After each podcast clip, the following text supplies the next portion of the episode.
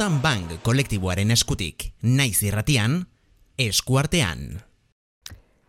Eta horrela, 2008 bigarren urtea bukatzera doa. Ongi etorri Amalia, Kaixo garazi. zer modu zuek zuen etxeetan, Gu hemen, beste behin, naiz irratian igandea da gaueko bederatziak eta hementxe gaude literatura protagonista den saio honetan. Eskuartean saioan urteko azken e, programa, Bai, sutamanen eskutik, bueno, ba, e, urte hontan uzten dugun azken oparitxoa. Eta zer egingo dugu, ba, gauzak behar bezala itxi ez, errepaso bat egin, pentsatu nun gaude, noraino e, iritsi gera, nola iritsi gera onaino, zer modu zaude, Hor indarra jarriko dugu hortan, Amalia, orduan baita bueno, ere. ba, denetan ez, ebaluaketa bat egingo dugu, ikusiko dugu zer moduz jundiren gauzak, bete dira espektatibak ez dira bete, Bueno, Amalia, orduan gauzak horrela e, saioari hasiera emateko lehen galdera botako dizut. Bete aldira 2008 biari eskatutakoak. e, bai. Nire ustez bai, dena ez, e, ez dut e, dena lortu, nik e, ez dizkiot helburu asko jartzen ere buruari, eta nahiko e, modu librean e, egiten dut tik a e, bete bezala, ez? E, orduan ni asetuta nago, esan dezaket e, nahiko pozik lortutakoarekin zu.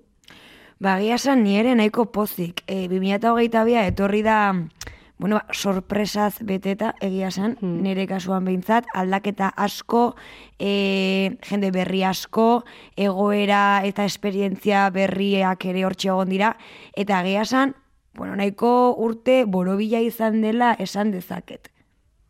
Bai, fuertea izan da, baina iritsi gera bukaerara, eta orduan, ba, pozik egon beharrez. E, sakonduko dugu gero gure e, espektatiba literarioetan, ez, e, lortu dugun Goodreadseko gure erronka betetzea edo ez, eta abar, e, baino lehenago e, komentatuko dugu pixka bat, ez? Zola azken aldian gertatu diren gauzatxoak, eduki ditugun pentsamendu txikiak, Buruan neuke ditugu Txoritxoak. ideiak, txoriak, eta... bai, eta gero ba, jarriko gera serioago, ez? Eta komentatuko dugu urteko irakurketa bat, nabarmendu, deskubritu dezun autore bat, e, Ba, gaina hortan batez ere autorean jarriko dut indarra, ze egia esan aurten gero ikusiko dugu Goodreads e, lista hor iri barrepasatzen dugunean e, zenbat irakurri dugun, baina egia esan e, bat ontakerarekin desente irakurri detela eta jana gai naiz autoreen inguruan ere aukeraketak egiteko, eta ja horrekin nago superpozik. ala, hazi egin gera urten, Bai, ez? ala da, ala da. E, gure burmuina dago bere maksimoan. Orduan, hori baino lehenago, e, ne, e, nik komentatu nahi dut, e, justo e, kontrako sentimendua eragin didan albiste bat, osea, espero nuen zerbait, uste nuen fikzioa bakarrik zela, e, e, ikusi eta urten adibidez, e, nola da, e, seria, e, lehen komentatu deguna, e, Gossip Girl, Bai, remakea e, berria egin dutena atera da orain bigarren denboraldia ez eta horra gertzen da ba serie eta fikzio asko, e, askotan askotan e, maiz e, agertzen den zerbait dela e, baile de debutante, debutant ball, bai. gizartean aurkeztea Eta... eta da superfuerte esan, zuk ikusi ez du Gossip Girl hori? Bai. Asiztea, bale, ze berritasun dakar? a ber, ez da nik bere garaian enun ikusi Eta egun ikusi Gossip Girl bere garaia? Ez, osea, ikusi nun, ba, kapituloren bat solte, baina ez. Enun jarraitu. Enintzan egin fana izan. Baina, movida da, osea, niretzako fuerta, ze hori serietan eta egotea, enau harritzen, ez? E, fikzioko e, jendeak horrelako gauzak egiten ditu. Baina, irakurri dut albiste bat, e, egin dutela New Yorken uste dut, e, aurkezpen bat, e, baile de... Markatu Bueno. hemen farre ingo dugu, porque, bueno, ez zeinan Zaila. gertatzen zuzeneko asuntoak. E, adakagu hemen soinu bat gure, ba, gure baitan, nahi dugu soinu hori kendu, eta e, hori lortzeko dakagu hemen gure taldekide bat, Bai. e, Ander, lurrean arrastaka, e, lan teknikoak egiten, konpontzen ez, bitartan orduan, haupa, Ander. Garazi mesez. eh, Jarraituko dugu, egin kaso esaten ari izena, ze oso fuertea da. Total, deskubritu etena zer da, oraindik ere, gertatzen den evento bat dela, lebol, lebal, Bai. e, dantza, evento soziala dela e, jende aberatxaren eta oso aberatxaren semealabak gizartera aurkezteko dantza bat. Eta da, literalmente olako seriedan agertzen dena, eta nik enekin baino benetazkoa da. E, noski bai, eta, Maria, ze uste zenun. Eta hori, e, a, e, modu batera edo bestera ere, gure inguruan badakagu, nik sentitzen dut, eta badakit zu honekin ez dela ados, baino e, donostian, bai, badago hor e, tradizio bat, denek ez dutela burutzen, baino, bueno, neraben artean nahiko, bueno, ba, e, popularra dana, eta da, bataplanen egiten den e, aste nagusian, puesta de gala, ez dakit nola esaten dan, Da, e, gala. Puesta de gala ez da gala bataplan. baino da, baino da, Deitzen dena, Bueno, popularremente. Pues, eh, hori da antzeko zerbait ere. bai, baina ez. Zeba ez? Osa, ulertzen dut hori da e, langile jendearen baile de debutantes, izan daiteke, hori Zer onartu da, un dezake. quiero pero no puedo. Bai. Izan litekeena ere bai, beste modu batera ezakit, ez dagola beste ber, bertsio herrikoiago bat, egongo da, ziur. Seguro. Eh, adibidez, Santo Tomasak... Eh, Kuadrilla hemen- bazkaria, hemen kuadrillen ditugu. eguna izan daiteke.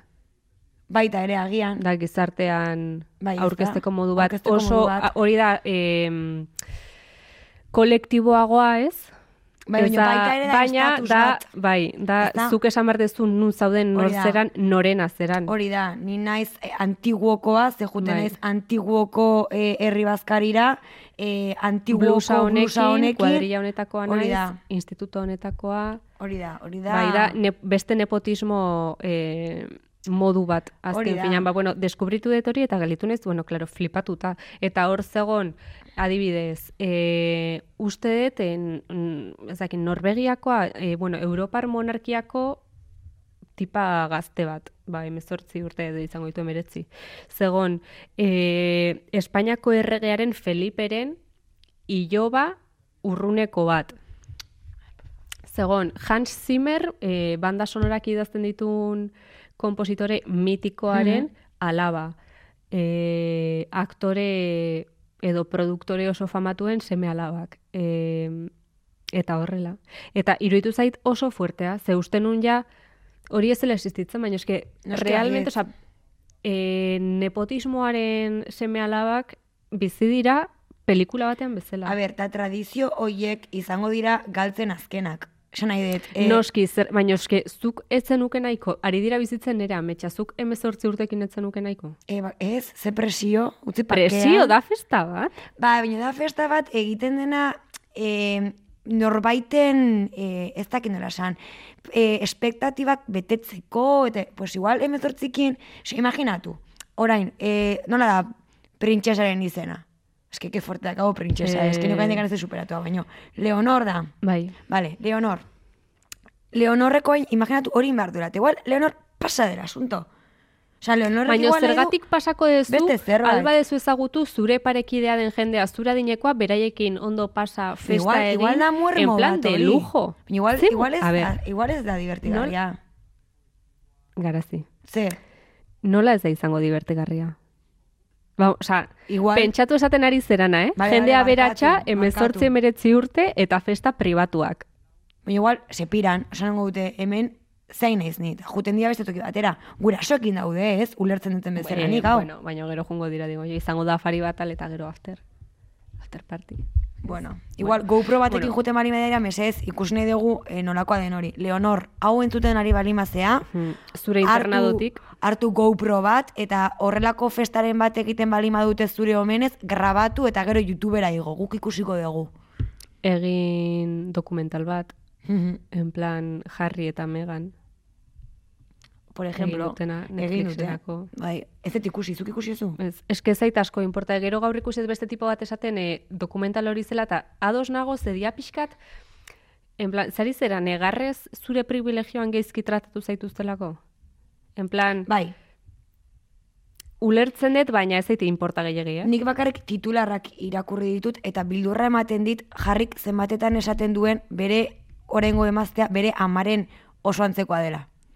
E, jarri, mm, Bueno, ez bai. dakit hor zer dagon, baina, a ber, egia da nik lau titular irakurri dutela, eh? Igual, Bai, nik ere ez dut asko sakondu, eh? baina, bueno, ez daitezke, pf, ez dakit eta The Crown ere ez dut ikusi ni Bueno, monarkiekin naiz oso... The Crown da, bueno, serie zoragarria, egia da oso luzea dela. Ni iritsi nintzen momentu, ni nintzen iritsi lady direna. Osea, ez dut ikusi hori, porque ya está. Mm. Zezan luzea, asuntoa zan oso luzea, baina... Aurten egia ere da- gertatu da hori, eh? Zer? Hilda erregina. Ah, bai, claro, bai. Ez que fuertea da. Osea, de azten zera pentsatzen atzera begira bai. aurten gauzak ez dakit zer eta Gertatu dira, eske o, 2022a izan da potentea. aspaldi hasi zen eta nire ustez oso urte fuertea izan da. Bai. Bueno, be, beste gauza bat eh, nik jarraitzen dut zain, ez dago albisterik, eh, baina laister iragarri barko du salirrunik bere, le, bere eleberri berria. Amalia dago, egunero Googleen Eske- begiratzen, Instagramen sartzen, Pasa dira urte eta piko, eta ez dakazu, zure eleberria, Amalia. eta ez, bere lana da. Bueno, a ber, orduan, nola da idazle hau? Sali Runi. Sali, hemen, Amaliak behar du zure eleberria, baita ere. Osa, nik uste hau ere zerrendatik laister eta txatu halko degula. Bale, ba, mezu bat bidaliko diogu, podcasta entzuten ari balimazea, mesedez idatzi e, zerbait berria. Amaliak behar du. Eta behar dut ere bai, e, gustatuko litzadake jasotza gomendiaren bat, nahi nuke irakurri liburu bat e, gabonetakoa. En plan, e, gabonetako komedia bat, ba, pelikulak eta hola egiten Bai. bezala, baino liburuan. En plan, pixkat romance, pixkat romantika. Wow, ez dut ezagutzen Ez dut inoiz irakurri pila bat daude. Bai, eh? Baina ez dut inoiz irakurri. Eta orain interesatzen zaitze ikusi dut Smiley. Da, Smiley da e, protagonista serie, da serie bat, eta da e, nik uste komedia romantika bezala e, Mhm. klasifikatuko dela. Gabonetan kokatuta dago, e, da produkzio nik uste katalana Ze plataformatan? Netflixen, eta protagonista da Merliko tipoa. Ai, bai. Baina zein, zarra ala gaztea? Gaztea. Ah, bale, ondo, ondo. E, nola da, e, nola ditzen da? Paul. Merlinen Paul. Baino ez morenoa, eh, rubioa laguna. Paul, Paul. Pol da hori. Pol. Egin zuna gero. Zer egin zuen? Zapere haude. Hori da, Paul, hori zan Paul. Fijo, hemen Julenek esan Ba. du baietz, Julen badakigu teknikaria hor Ba, horrek egin orain, komedia bat, bueno, komedia romantika bat, egin dut parpila bat, e, eta eske oso ondo pasadet ikusten, eta izan da super e, oso basikoa, baina asko disfrutatu eta nila sartu naiz de cabeza e, gabonetan. Osea, ja, buruz bota naiz piztinara, eta nahi dut gabonetako romantzea. Eta hori Netflixen dago, Bai. nik kenduet Netflixeko arpidetza. Bueno, beste modu batzuk badaude. Badaude, bueno. Igo edo, edo bestela zurekin, zure Netflixarekin Baita. ikusiko dugu. Bale, bueno, gero komentatzen dugu, aber nola egin hori. Bueno, eta albisteak e, izteko, ba, mm, helduko diogu gure Goodreads e, aplikazioari, gogoratu Goodreads dela aplikazio zoragarri bat, zeinetan, bueno, ba, idatzi dezakezun zer irakurri dezun, zer irakurri nahi dezun, puntuatzen dituzu liburuak, eta nahi balima dezu, eta inspiratua balima zaude, laburpenak ere idatz ditzakezu. Orduan, e, Goodreadseko ekipoak urtero urtero, urte hasieran, ba, erronka bat markatzen du, bueno, edo erronka bat markatzea ba, proposatzen du. Eta orduan, e, guk erronka hortan parte hartzea erabaki genuen, geuden super motivatuak, e, uste genuen ginala e, las jefas, Eta ez da batera ambiziosoa, eh, jarri deguna. Niretzat bai. Jendearekin. Bueno, baina jendeari egiten duen atzet importa. Bueno, guretzat, bueno, gu den hor atope, eta jarri genuen irakurriko genitula irurogeita hamar liburu bion artean. Hau da, hogeita amabost, amaliak eta hogeita amabost nik. Hau da, hilabetean hiru. Ez da, hainbeste, hainbeste, hainbeste. Osa, jendeak irakurtzen du askoz gehiago. Bueno, niretzako ia zan, e, Bai. Dexente, Baina dexente. zen erronka bat uste genuna, ba, egingarria zela. Lasai, lasai ingo genuna, iritsiko ginela abendura, erronka hori ja, Baina plan de sobra. Bai. Osa, jarri genuen hori, mm, pentsatzen, eh, margen bat ba geneukala, eh, Bai, soberan izateko, edo de repente paroi bat dezu eta ez dezer gertatzen, ez agobiatu. Bueno, ba, gaur egungo gure panorama gutritzen da, e, irurogeita amar liburutik berrogeita amalau irakurri ditugula, eta aplikazioaren arabera irakurri behar ditugu. E, sei liburu astero Oso fuertea da. betetzeko gure erronka. Oso fuertea da, eta nik daukat hori sentsazioa, pozik nago lehen esan bezala, lortu etelako adibidez kasu honetan, e, lortu dut, e, irakurtzea, mantentzea, irakurtzaletasuna, gogoa izatea oraindik irakurtzeko, ez da gutxi, Ez da gutxi. irakurri ditut liburuak, nik irakurri ditut ze, esan behar da, e, geizkigoaz nere erroagatik. Ez, gugea, garazik- gugea ekipo bat. Baina garazik jazta. irakurri du dena eta gehiago. Tokate zaitena gehi bi. Hau da, aurten nikoa hogeita mazazpi. Bai. Eta noski gugea ekipo bat, eta orduan amaliari ere lagunduko diot. Orduan, Eta ninoan ere txalentxaren euneko irurogeita bia beteta, hau da falta da euneko hogeita mezortzi, irakurri ditut hogeita mabostetik hogeita bi. Honek zer esan nahi du? Erronkan oso geizki noala, baina aurten hogeita bi liburu irakurri ditut. Hori, irakurketa positiboa egingo dugu. Orduan, nik erabaki dut positibo izango naizela ze bestela eh, enaiz ezin dut ondo egon, Hori da. eta ez dut erotu nahi, ez? Baina Ni oso ondo, Amalia, eta gaina oraindikan urtea bukatzeko falta zaizkigu Hmm. pare bat aste, e, hemenago ni laguntzeko Bai, eta bat- iritsiko gea. beste bat minimo sartu nahiko nuke. Nik beste bost sartu nahi ditut, hogeita hamaika baino lehen.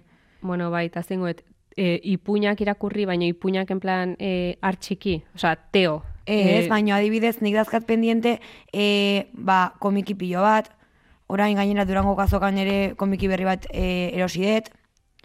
E, ez dakit, baditut horrela irakurketa batzuk nire ustez, bueno, ba, egun lasei batean irakur ditzakedanak. Eta gero oporrak Ja. datoz.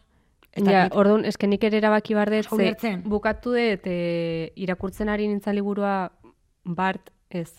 Eren, egu- eren egun, ez dakit, bueno, bukatu nuen, eta orain daukat duda. Irakurriko dut, benetan irakurri nahi duten liburu bat, naiz eta agian ez bukatu luzea delako, eta ba, orain ere festak ezakitzer Claro. egongo dialako, eta aukeratuko ditut liburu estrategikoak txalentxa betetzeko. Ni hainez e, e, liburu estrategikoak hautatzen. Hemen digan aurrera Baina liburu hori da- estrategikoak. Ze, baina nahi dut irakurri, esan nahi. Amorrua ematen dit. Baina ja, ez da baina ikuste, bai, baina ikustet nik eren ere burua, eh, esatetez, ba, irakurri Adibidez, nik nahi lagundu irakurri zure buruari. album, baita ere durango gazokan erosi nun. E, album, imaginatzen dut, ez dakiten naiz hasi, baina izango dela irakurketa, eneko harina, e, Hmm. zerbait azkar irakurriko detena. Baita ere, e, erosi dut bestea, nire naiz Mikel Aboa, eta hori ere da komiki bat, a ber, da komiki bat, nahiko potoloa, baina bueno, nik komikiak nire nahiko, osea, disfrutatzen ditut, baina nahiko azkar irakurtzen ditut, e, ez dakit, ba, e, ez, ez dakit nola esan, Almudena Grandes, bueno, ba igual ez dut hartuko bere, bere novela bat momentu honetan. Horregatik esaten dut. Nahi zegoen Almudena Grandes irakurri justo? Ez. Ah, bale. Ez, baina hori da rolloa. Claro, Hor dago asuntoa, ez? claro, baina gaina niri mapeteze. Osea, nik Ja. nahi dut pixkate baita Bai. ere horrela bideratu nire irakurketak, em, eta bueno, honen inguruan hasi gehan ez ja hitzeiten, Amalia, zer iruditzen zaizu, albisteak ja alde batera uzten balima ditugu, eta aste balima gea e, gure gomendioekin. Bale.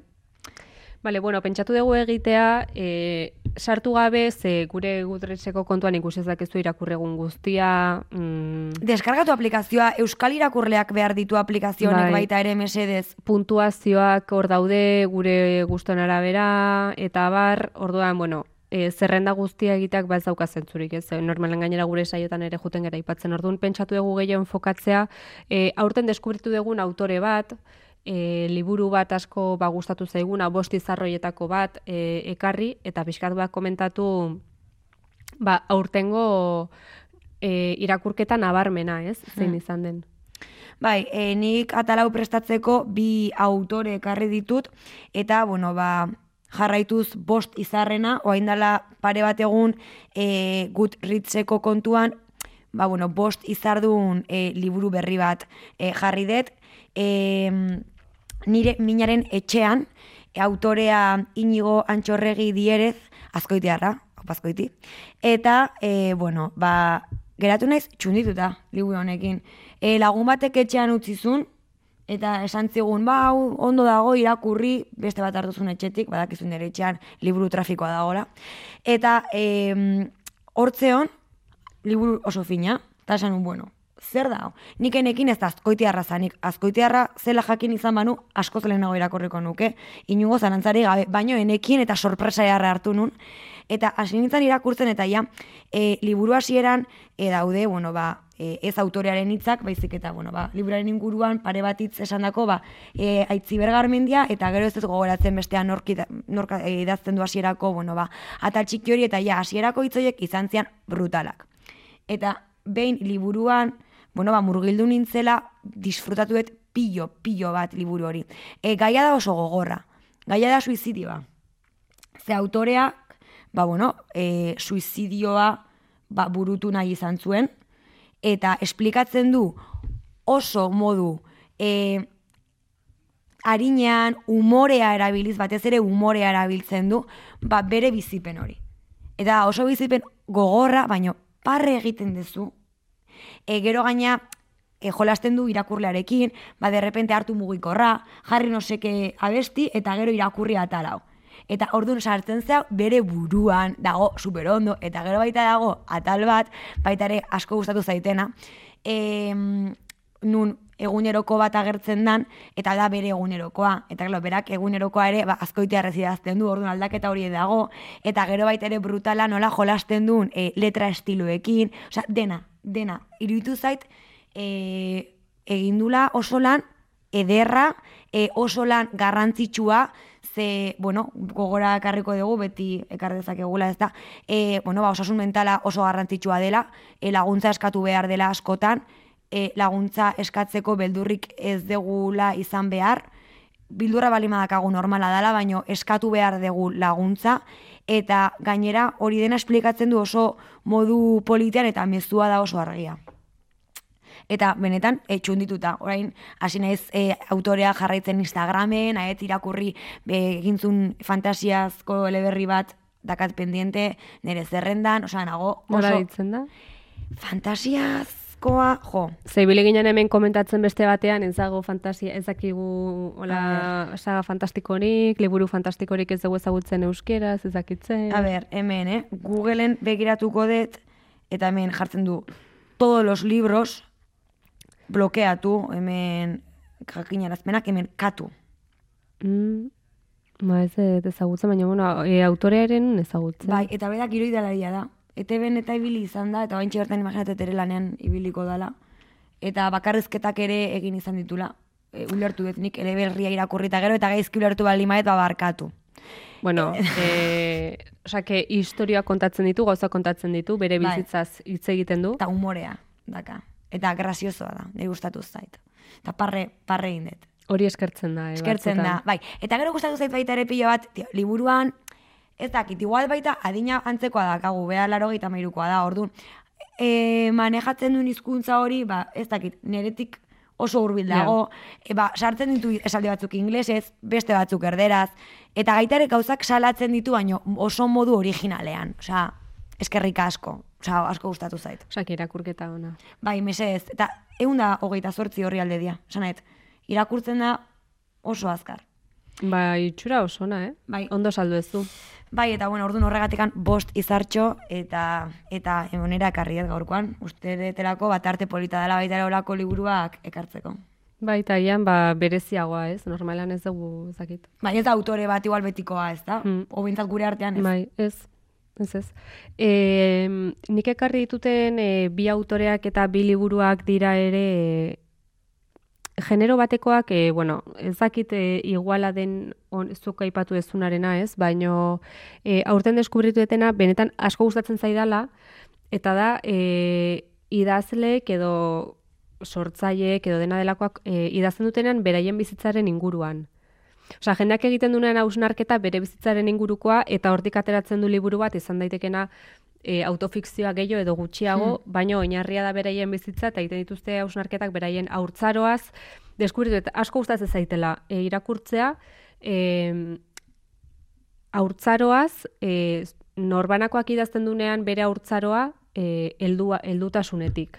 Eta irakurri, dit- irakurri dituzun historioetan zer dira, hautzaro zailak edo arruntak, baino arruntasunean topatzen dute zerbait berezia. E, nik uste, te, zailtasun puntuak dituztela biak, bueno, ari naiz hitz egiten, e, Cristina Perirrosi e, eta Sara Torres, idazle ez, e, Cristina Perirrosi da e, idazle bat, aurten irakurretela lehenengo aldiz, baino da ultra ezaguna, iaz eman zioten pe, e, premio Cervantes edo horrelako zerbait, Eta kasualidadea Sara Torres, e, Sara Torres ez hitzein dut askotan e, hemen, Sara Torres da aditua Cristina Perirrosiren e, lanarena.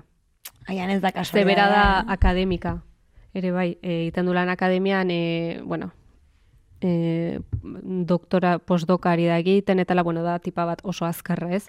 Eta ez da kasualidadea, e, ze sararen estiloa dago, dau, bere estiloak dauka eragin oso nabarmena, e, Cristina Perirrosi bere bizitza, biek dituzte bizipen e, antzekoak ere, ba izan dituztelako haurtzaroak igual, e, idazten dute asko e, nola e, hasi eta gero berrinterpretatu behar dezun gertatu zaizuna, e, zure identidadea berriro eraiki, e, nola utzi atzean e, herri txiki batean e, hasi izana ez inguru horrek ez zaitulako ulertzen, e, Cristina Peirrosi jaio zen e, Uruguaien berrogei garren amarkadan, eta Bartzelonan bizi da duela urte asko, hamarkada asko. Eta Sara Torres ere ba, Bartzelonara aldatu zen, e, bere hirian ez zuelako bere tokia edo aurkitzen, ez? E, biak dira em, kolektibokoak. Eta, e, bueno, e, hori da ba, detaile bat, ez? Baina esan nahi dut, em, la insumisa ekarri dut Cristina Perirrosian, Cristina Perirrosik idazten du normalean poesia, narratiba, fikzioa, eta argitaratu du orain hau dela bere haurtzaroaren inguruko liburu bat. Eta dauka oso izkera e, poetikoa, eta Sara Torres da poeta, eta aurten idatzi du liburu bat bere bizitzan oinarritutakoa ere bai, fikzioa izango duena, baino eraginarria daukana bere bizitzak ez, eta hor ere bere e, hizkuntza poetikoak dauka eragina handia. Orduan konturatu naiz. Aurten ikusi dut hor patroia dagoela, ez ze gustatzen zaidala hori. Eta, Eta hori da, asko irakurri dezulako amalia, eski izan da urte zoragarria. Bueno, Bai, bueno. bai, bueno, nik ere beste autore bat deskubritu dut, beste denek ezagutzen zenuten autorea, nik ez, bare? bueno, denek ez, eh? E, ber, da oso famatua. Famatua da, baina hori ez du esan nahi jendak irakurri duenik. Euskal kulturan, bueno, e, Kirmen Uribe da, ez Da, dakit, zutabea, ez? Hoxe, Eliza honetako beti. zutabea. Eta, pues nik beti hortxe bere izena hor, buruan, e, Bilbao, New York, Bilbao, bueno, kritika zoragarriak, bla, bla, pum, pum, ez nun sekuela irakurri, eta gaina buruan ez dakit zeba, nekan, buah, izangoa tostoi bat, izangoa, bueno, obabakoak bezala, ez? Bueno, bai, efectivamente. Hainbestetan hitz egin da. Ezingo dut, abandonatuko honen dut. inguruan, baina, karo, jo nintzen liburu denda batera eta edizio berezi bat topatu nun, eta bono bat zegon, eta esan bueno, orain da momentua, dut. orain da momentua. Eta orduan, orain da momentua, orain da momentua, erosi nula, baina hor zegon apalean. Eta aurten ez dakitze ba esan nun, venga, hartuko. et. Izan ziteken frakaso bat, baino ez da izan. E, zoragarria izaten ari da. Egia da, e, daramatela ja, denbora gehiegi, libura irakurtzen, ze, bueno, azkenean, ba, bueno, azken e, hilabeteak izan dira pixkat eromena, baino, hainaiz disfrutatzen pilo bat, hainaiz ikasten pilo bat, eta daka, trebetasun bat, gai batetik, beste batera juteko. Em, momentu baten esatezu, baina nola pasada ba, ez dakit, arrantzaren inguruan e, hitz egiteaz, ba, em, e, gerra zibilaren ingururan hitz egitera. Nola, nola indu hori? Pues, iten du, iten du, eta iten du super ondo. Bai, Iten du super ondo, eta em, eta denboran saltoak eta hola, eta zure gustatzen zaizkizola beste garaiak, ez? Eta Bai, dauka hori ere bai. Eta daka, gainera hor ikerketa ez zoragarri bat, e, bueno, imaginatet egin dula hau egiteko, eta ikerketa hori nola egin duen ere esplikatzen da. Bueno, ni nago enamorada. Eta orduan nola maite mindu nahi zen, baina erosidet e, bere Durango gazokan erosi nun bere Izurden... izurdeen e, lehenagoko bizitza edo horrelako Aurreko eh, bizitza, izan Bai, ber, begiratuko dugu gutritzen zedakata puntatuta, Bai, liburu atera du. kirmen uribe, ez, ez dakitela ze liburu erosi dute, baina erosi dut. Hori ere importantea izango da, imaginatzen Bai, dut. nigoratzen naiz ere irakurri nuenean asko gustatu zitzaidala liburu hau. Hemen, izurden aurreko bizitza, hori da. Zuk irakurrita dakazu Bilbao, New York, Bilbao. Bai. Eta asko gustatu zitzaidan. E naiz gehiegi goratzen egia esan, ze gertatzen zan edo... Baino, bai, eta goratzen naiz izan nuela e, garai bat, e, ez dakit liburu honengatik edo lehenengo irakurri nuen bere poesia liburu bat, eta gero hau, baina bueno, pixkate momento obsesiboa izan nuen eta irakurri nituen bere liburu batzuk. Jo, baino, eske, nago super gustore irakurtzen, ematen dit, bakea. Da, como, Bai, Hala, kaos, nire bizitzako kaos horretan, bapatean hartzen dut bere e, liburu hau, eta buf, arazoak momentu batean, benetan, eta ematen du dala hola oso klitxe dena, baino, arazoak desagertzen dira, sartzen naiz historioan, eta irakurtzen, osea, irakurtzen ditut bere hitzak eta eta bere esaldiak eta dena oso gustora. Osea, bakea ematen dit irakurketa honek. Liburu bat aurkitzen dezunean, Da, gozada, gogoratzen eh? zara zergatik irakurtzen dezun. Jo, ke gozada. Plan, zergatik e, Bai. egiten dezu saio hau, zergatik irakurtzen dezu, zergatik juten zera e, liburu denetara, liburutegietara, e, zergatik egiten dezu papeleoa, zergatik... E, Zergatik dena. Dena, bai. Ba, naiz disfrutatzen pilo bat, orduan norbaitek e, oaindikan ez bali mau deskubritu Kirmen Uri beren, e, bueno, ba, novelak, eta kasu honetan Bilbao, New York, Bilbao, ba, izun, nire gomendioa hortxe, animatu. Animatu ez da inoiz berandu, ez da. Noski ez ez, eta... Beti aukera. Eta bestela, ba, bueno, ba, deskubrituko duzu ez zaizula gustatzen santua, ez? E, kirmen Claro. santua. Gero hori ez esan altu, bazpare. Baina, bueno, ez da zer gertatzen. Nik uste ere kirmen dela e, zentzu horretan pixkat polemikoa. Ze Ez, ba? ez bera. Iritzi asko daudela bere inguruan. Baina, bueno, Benetan. denen inguruan bezala. Baina esan, ez dut ez zer irakurri bere, oza, bere pertsonaren inguruan. Ez bere, oza, esanet bere obra, eh? Bai, Oza, bai, bere- plan, ah, ez, ez, bere bai. estiloa, bere, oza, ez Ah, dakit, bai, eh? bere, Iritzi desberdina daude, bai, bueno, bere bai. bizitzaren inguruan ez dakit. Baina nire gustatzen zait. Nere gustatu zitzaidan, baina bueno, horregatik, esan nahi dut guri ez bazaigu gustatzen e, obabakoak eta hau bai, igual jendeak esango du borduan hau ez gustatuko. Bueno, Posible da, posible ez? da. E, nahi bazue kriterio txarra eduki, ba guri ez entzun. Mm, guk egiten ditugun gomendioak e, onak dira beti, Beti. arrazoia daukagu, Beti eta... ere. Arrazoiak daukagu beti. Beti. Eta autore on bat deskubritu nahi badezu aurten, ba, irakurri Kirmen, Uribe, irakurri Cristina Perirrosi, irakurri Sara Torres, eta punto. Eta inigo antxorregi ere. Ai, barkatu, bai. Hori ere bai. Hori da berria bai gaztea, eske gure ez- dinekoa. hemen ez daukagu fizikoki Ez orduan. dakago, ez egia da, ez dut ekarri. Eta hoiek izango dira gure aurtengo gomendio literarioak. Mm, Hauek dira nabarmendu ditugunak. Hori da, gero bestera, sartu bezez Gutritzen, eta, por cierto, eske Gutritzeko ere mendikan eskerrak, e, bueno, zergatik. Bai, zure partez, ez? Bai, ze azken aldian, claro, ze gertatu da, Durangoko azokan, erosi dutela liburu de xente, eta, e, por cierto, anpoltxina egingo dut, ez dakit noiz, baina hartuko denbora bat, eta tarte bat grabatzeko Hitz egingo dugu hitz egingo dugu. Bai, a ber, zer erosi daiten zerrez eta sare sozialetan, bai ikusiko dezute anpoltxina hori, hendikan ez denbora hartu.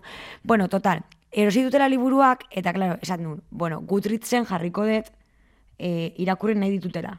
Total, hasi nintzela liburu hauek bilatzen, eta ez daude gutritzen. Claro, a ber, gero pentsatu behar da, ez? E, Baina gutritzen daude langileak. Ez dago dena. Bale, baina egon jatorrak. Bai, hori da, egon daiteke. Eta dira bolondresak gainera, total. E, baita ere, irakurri dut azken asteetan, e, zazpige udalekuak, bueno, zoragarria, da escape book bat. Gogoratu ezagun garaziri liburu hori tokatu zitzaiola zozketa batean. Eskerrik asko, nerea loiola, mila esker. Bueno, ba, disfrutatet pilo bat, egia da nera bentzat dela, baina haizu, oso gustu irakurri dut e, liburua, eta gomendatzen dut hemendikan baita ere liburu hori, eta, bueno, ba, nahi sartu hori gutritzen. Eta, etzegola, orduan, mezu bat idatzi nien gutritzekoei, esan nien autorean hortzan, liburuaren izan zeintzan, eta e, liburuaren kodea zeintzan, eta jarri dute gutritzen, eta nago super pozik. Hau da, eskatzen dezunan bezala, betetzen duzu papera liburutegian, ekartzeko zuk nahi dezun liburua, eta onartzen dute, eta ekartzen dute. Claro, orduan garazik zer egin du, ba hartu ditu Durangoko liburu guztiak, bueno, erosi ditutenak nik behintzat, begiratuet gutritzen, aber dauden, ez daude, eta orduan, ba, idatzi diet, mezu oso luze bat, e, liburu guztien, Denekin. bai, totalmente. Zergatik, gutritzen, baita ere euskal literatura behar degulako. Bai, behar gaituzte, ez? Bai, noski baietz. Orduan, e, mesedez, Goodreads deskargatu, intzazue kontua, e, Eta erabiliz, bestela ez dizute kaso gehiago ingo. eta eskatu liburuak, eta punto. Eta oso jatorrak dira eta jarreko dituzte. Bueno, orduan, e, nabarmenduko zenuke horrela aurtengo beste mm, ez autore, baino urte literario honetan lortu dezun e, zerbait. Adibidez, izan daiteke ja konstante mantendu izana. Hori izan daiteke gauza bat. Bai, nik konstantzia baino, e, azpimarratuko nuken ere kasuan, lortu detela, liburuak irakurtzerakoan autoreak identifikatzea. E, orain arte beti igual liburuak irakurri eta punto eta hortxe gerartze zen, baina orain e, liburuak hartu dituten moduagatik edo autorearen gana gehiago hurbildu naizela uste dut, eta gehiago orain ba, aukeratu dezakedala e, liburu bat edo beste bat autoreari begiratuz. Adibidez, Durangoko azokara junitzan lehengoan, eta lehenengo aldiz nire bizitza osoan junez Durangoko azokara e, autore preferente batzukin. Ez zait sekula hori pasa, beti juten nintzen pixkat aloloko edo zuri galdetuz edo ez dakit. Eta hoa gontan oso garginekan ze autore irakurri nahi nuen, zeinez edo ze au- e, autore deskubritu nahi nuen. Eta niretzako hori da lorpen izugarria. Bueno, orduan esan genezake aurten e, zure burua e, ez, gehiago ezagutzea lortu dezula, ez? Zure kriterioak zer gustatzen zaizun, Bai. zer ez. Bai, eta oso pozinago horrekin. Eski horrek entzen du gero lan asko, eh? Bai. Ze badakizu da filtroak, ez? E, no- nola gustatzen zaizun irakurtzea, Bai. zer gustatzen zaizun. Eta gero zerbait deskubritu nahi dezunean ere erresagoa da. Ze, bueno, Mm, pixkat egitezu. bai. Ze bestela gauza asko da. Osea, unibersoa oso Gehiegi. handia da. Bueno, eta zure lorpena, zein izango litzateke? e, irakurtzea ja bere horretan e, lorpen handia da.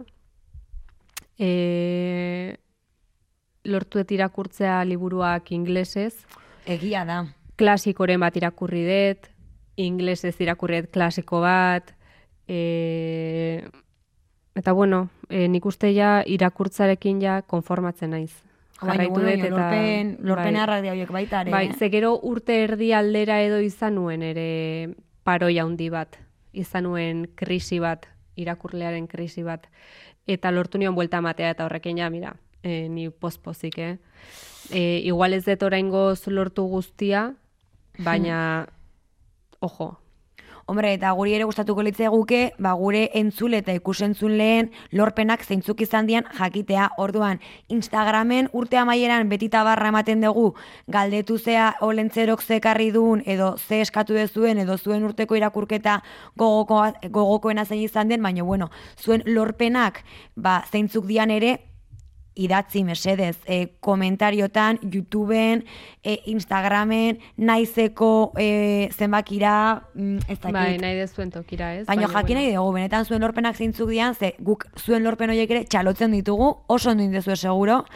Eta, igual inspiratuko gera horrela, eh? Hori da, hori da. Ze urtea bukatzen ari den honetan ere ebaluaketak egitea zain ilanago pixkat, mm, bale, e, hau lortu dut, hau horrela doa, hau zer moduz, bizitzan hau tal, ezakitze, eta gero pentsatzen dut, bale, eta gero, eta honekin zer, eta honekin noraino, eta mm, nora eramangoen hau honek, orduan, e, ustet garrantzitsua dela e, atzera begiratzea eta hasieran egin dugun e, ariketa hori ez egitea, ez alde batetik.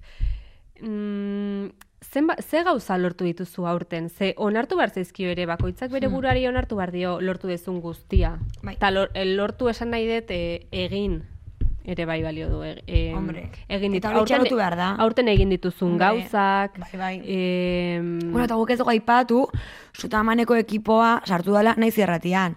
E, hori ere, mesedez, txalotzeko zerbait, gaude oso, oso Bai. pozik, super proud, iritsi gea onaino, e, eta Txapo. Horregatik nik uste dut e, importantea dela eta animatu nahi zaitut garazi itera, e, eta hau ez da broma, hau ez da, hau da, lehenengo aldia egin detenan ere bizitzan, baina e, funtzionatu dit, animatu nau, eta da egitea e, idaztea paper batean, aurten egin dituzun gauzak, lortu dituzun gauzak, bete dituzun espektatibak, e, Ze polita Baina izan daiteke orokorrean, eh? izan daiteke ez, da- e, bidaiatu eta ezakin nora. Egin dut, e, bete dut e, neukan zerrendatik, urtasirako zerrendatik, hau. E, eta naiz eta igual ez ezun guztiz lortu, nik adibidez jarri nuen, e, ez dut lortu e, e, betetzea e, gutritzeko erronka. Baina, hogeita bi liburu irakurri ditut. Eta hori, nire beste ezakit duela lau urte, bost urte, irudituko zitzaidan, e, pff, increíble. Ordun, naiz eta ez izan, osea ez du izan beharrik ere super absolutoa edo ultra importantea, ezakit, ju naiz bisitatzera lagun bat ezakin nora. E, zerbait da. Egin dit, e, amar kilometro, amabos kilometro, hoi kilometroko karrerak egin ditut. Egin dugu behobia barkatu, hori jarriko ez zerrendan lehena. Pum! Eta nahi dut animatu jendea egitera pixkat e, errekonozimendu eta bat e, jaso dezun, e, egin dezun lan horren e, ba, uzta guztia jaso eta ikusita begiratu pixkat osotasunean lortu dituzun gauzak. Ba, Maria, oso ideia ona iruditzen zait.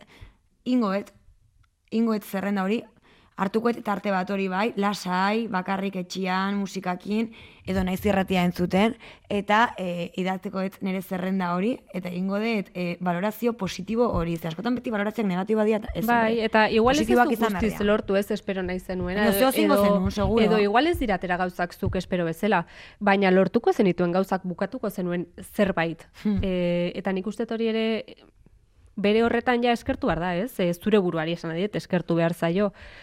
Ba, bai. Eta e, ezakit, asko harritu naiz nire buruarekin, atera zitzaidalako modu espontanean, eta nik ez dut egin zerrendarik, ez dut egiten, bueno, ez zertarako, inoiz ez, zen ez desastre bat, baina oso pozik.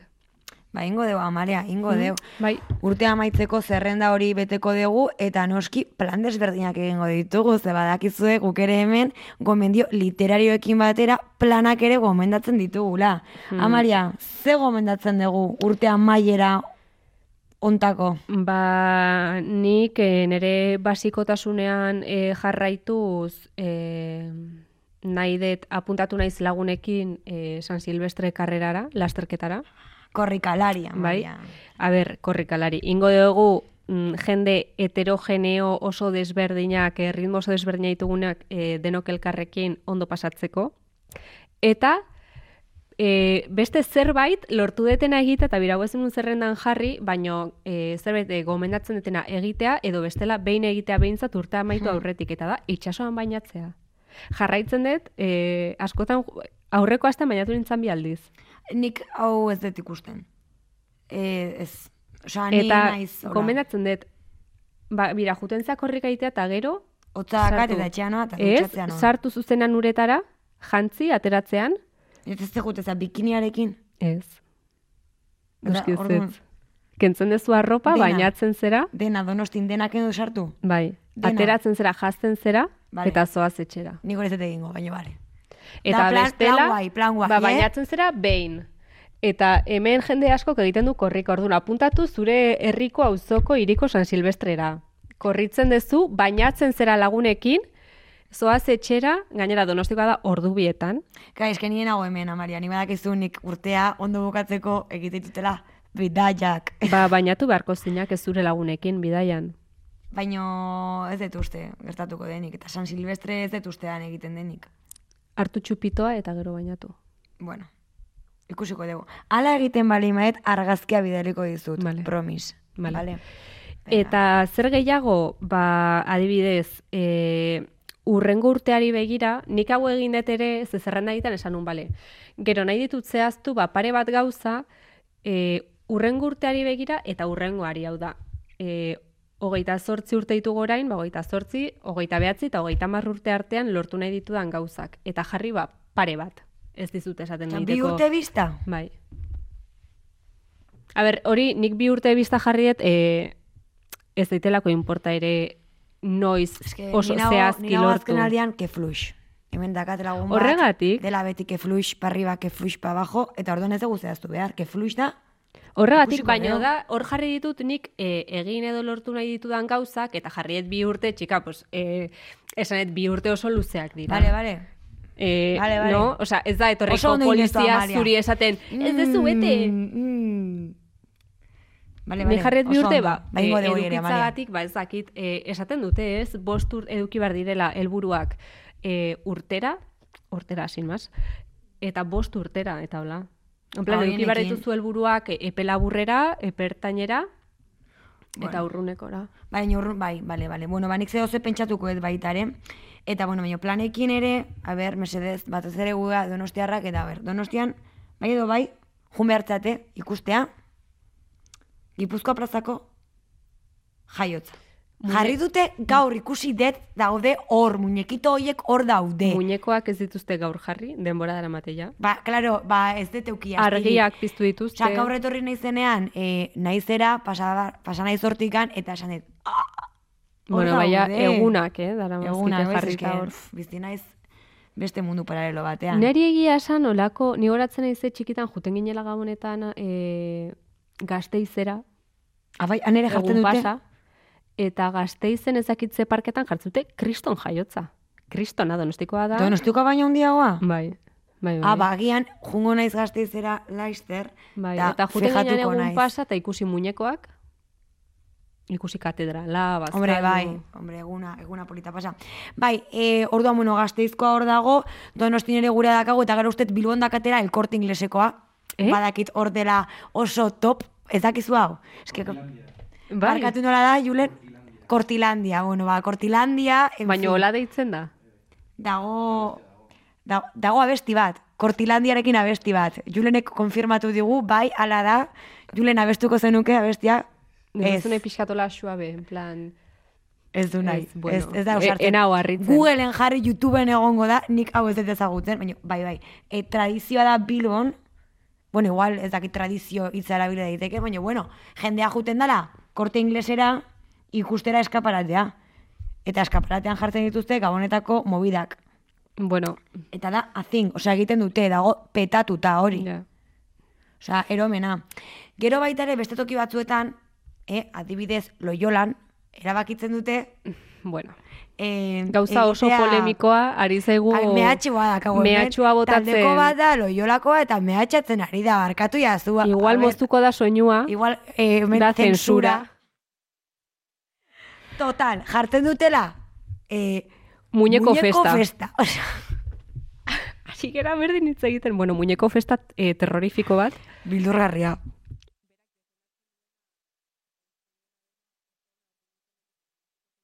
Eta zuek egitea zuen, zuek ikusiko zue, eman zuen iritzia. Nik behin uste dut egin nula e, pieza bat, bueno, e, kazetari bezala lanean ibiltzen nintzenean, pieza bat horren inguruan, e, beraz puntito niretzat, eta lehene, porque esan ziaten garazi dago hau. Ni donostiara naiz, osea, donostin, e, bueno, egon naiz txikitatik hemen, eta enekin hori existitzen zenik, eta junitzan lankide batekin, karo, hori ba, montatzea eta bideo bat grabatu bartzan, junginan area, eta zen baino, ze demontre da hau. E, en fin, muñeki, Kua de la fac. muñekitoak hortikan, e, ez dute zer ulertzen, eta esan ziaten, bai, bai, hau urtero egiten dute. Eta fuerteena da ez dela bakarrik gabonetara mugatzen den zerbait, baizik eta tematikoa dela. Osea, basea, ideiaren basea da, e, bai, bai, ideiaren basea da muñekoak jartzea, baino gero, bueno, esate, ari da esaten ez ez bezala. ari da esaten ez. ez. Baino gero ez, eta ze gertatzen da beste jaiaketa daudenean? Ez dituzte ateratzen muñekoak? Ez, bai. Amalia. Beste muñeko batzuk izango dira. Ez, eta dekorazioa e, figuritarena da, e, daukazuen hor plazan tipa baten hori da eskultura diferente. Eskultura hori- dute, ja. Hori Bai, beste, ja. hori da beste movida. Baino dena da, Bai, e, eskultura, ideia, eskultura hori ez dago. kontzeptua, Ez dago egun bat e, bestea, osea, bezala. Da diferente Bai, egunero. eta, bueno, eta Dijoa potentzia aldatzen. pasatzen zei gandetan, eta Bai, esan digu, esaten digute ja... Eh, Que corte el rollo. Que cortemos, bueno, total. Loiolakoa da, beldurgarria, baino, ba, ez dakit, Halloween faltan botatzen bali madezute, arimen gaua edo lo que sea, urbildu zaitezte, nahi show bat ikusi da. zure hilo barrituta eta xokeatuta. e- eta gero ja auzoko tabernetan kontsumitu, eh? E, hau da Jende puntito ere hander guretzat. Ari gea, hemen turismoa bideratzen loiolara. Eta, eta holaxe, ba, hola urtea bukatuko dezute super ondo. Bueno, hemen gure pentsamenduak itxieren inguruan, e, gure landutako lanaren inguruan, e, gure irakurketa, Gure lorpenak, gure ideia, gure pentsamenduak, gure beti bezala tabarra ematen gure zuei. azken aleginak, azken e, nola esaten da? E, saiakera ez azken zer dago zure buruan azken, Amalia? azken neuronak. Azken e, neuronak ere hemen ditugu, bai? Orduan, e, zuentzako gure urteko azken hausnarketa hauek, e, ondo pasa jaietan, Ondo bukatu urtea. E, urte hau, bueno, ba, izan balima da, mm, sin mas, lasai, hogeita iruan gauza berriak etorriko direla, espero dugu e, gauzak hobetuko direla, denontzat. espero Eta- dugu baietz. Eta jarriko dugu mente positiba, ze gaude, mut horretan, eta, Eta ez punto. kezkatu, zeren gaur hausnarketa pila bat, baino ja urte hasierarako daukagu ja dena hemen, ja dena on, reiniziatuko dugu berehala eta izango gera bueltan tita. Muxa hundi handi bat, gogoratu sare sozialetan, abildua sutan bank, abildua eskukada, TikTok, Instagram, Twitter, Goodreads, YouTube, Gmail, nahi badezue kontratatu. Eta gaurko saioa berri zentzun nahiko bazenute, edo beste saioren bat berriro ikusi edo entzun nahi balima ez dute, gogoratu gaudela bai Spotifyen, bai YouTubeen. Muxa hundi handi bat, eta Muak. ondo ondo bukatu urtea. Agur, agur! Ah, begira hortxe gure teknikariak, aurratik Aio! Ander eta Julen, agur!